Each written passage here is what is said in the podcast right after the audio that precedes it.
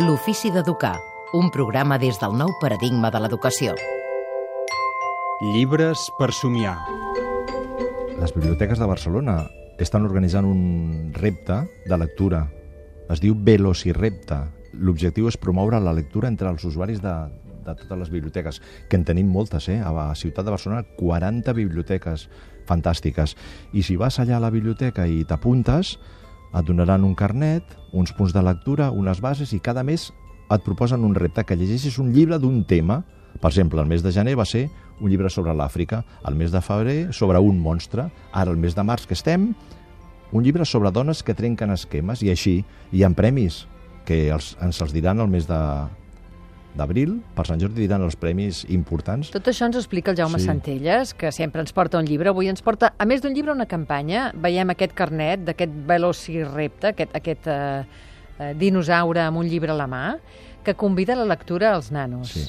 Aneu a les biblioteques i llegiu llibres. Aneu a les biblioteques perquè tenim unes biblioteques que paguem entre tots, molt maques, amb gent molt preparada i molt fermes i ben dotades i val la pena que, que en fem ús. Quan més us en fem, millor. I ens portes també un llibre El al costat de... Sí, el que jo m'he pillat per aquest mes, que és el mes de març, Dones que trenquen esquemes, jo m'he triat un llibre que és Jane Goodall, la millor amiga dels ximpancers, que ens explica la història d'aquesta... de la Jane Goodall. És, és un llibre eh, que ha escrit Marcos Muslera i il·lustrat per l'Albert Asensio, que és un gran il·lustrador.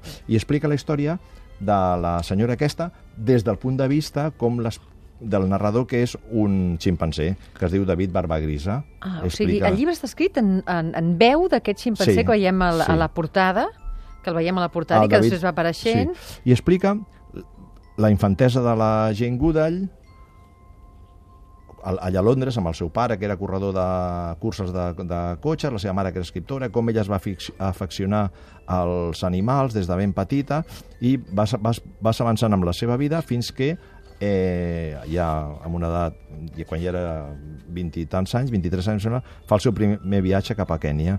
I, i com ella entra en contacte amb els ximpancers. Aquí veiem la família La del família protagonista ximpancers. de la història, el que narra la història amb tota Sí. la seva família, aquest ximpancé. I per què va ser potent aquesta dona? Per què va ser important? Perquè va investigar durant molts anys, es va atensar als ximpancers i va descobrir primer que eren capaços de construir eh, llocs per dormir, eren capaços de construir eines perquè els ximpancers podien menjar, bueno, a part que mengen herbes i vegetals, també menjaven eh, tèrmits i formigues. I com les menjaven? Pues s'inventaven com una mena de canyeta, les repelaven i la posaven allà dintre del term, de la termitera perquè pugessin fins a la seva boca. Increïble. I també va descobrir que eren capaços de jugar i de divertir-se i que cadascun d'ells era diferent. Per això els hi posava nom.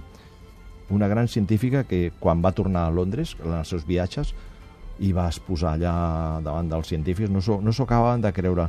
Va, eh, després ja va sortir altra gent que va, va, va dir que l'ADN dels ximpancers i el dels humans és idèntic amb un 99%. Per saber dels ximpancers, dels animals, A quina edat tot això? això, aquest llibre podria llegir-lo un nen ja de, que li interessin amb el 5-6 anys ja podria acompanyat Jen Godel, la millor amiga dels ximpancers, ha publicat per Bequeta Edicions de Marcos Muslera i Albert Asensio. Moltes gràcies, Jaume A Centelles. vosaltres.